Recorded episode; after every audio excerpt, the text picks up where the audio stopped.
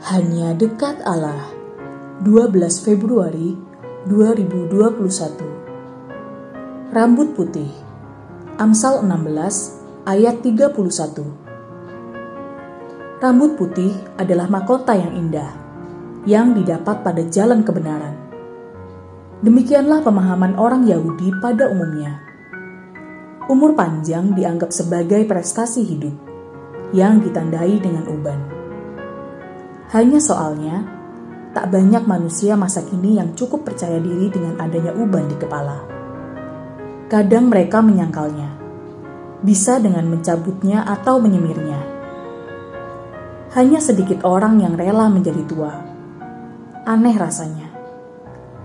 Sebelum kita meninggal, usia pasti akan bertambah. Menjadi tua itu alami. Menarik disimak Ayat ini memperlihatkan bahwa uban itu merupakan tanda ketuaan seseorang yang diperoleh pada jalan kebenaran. Umur lanjut dalam pemahaman Yahudi merupakan akibat hidup benar di hadapan Allah. Dalam Alkitab Bahasa Indonesia masa kini tertera, orang jujur akan dianugerahi umur panjang. Ubannya bagaikan mahkota yang gemilang. Apa hubungannya kejujuran dan umur panjang? Mungkin bisa dinalar begini.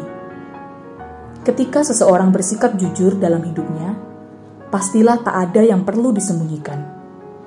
Dia tidak perlu takut akan penilaian orang lain karena hati dan perilakunya bersih. Semua serba transparan.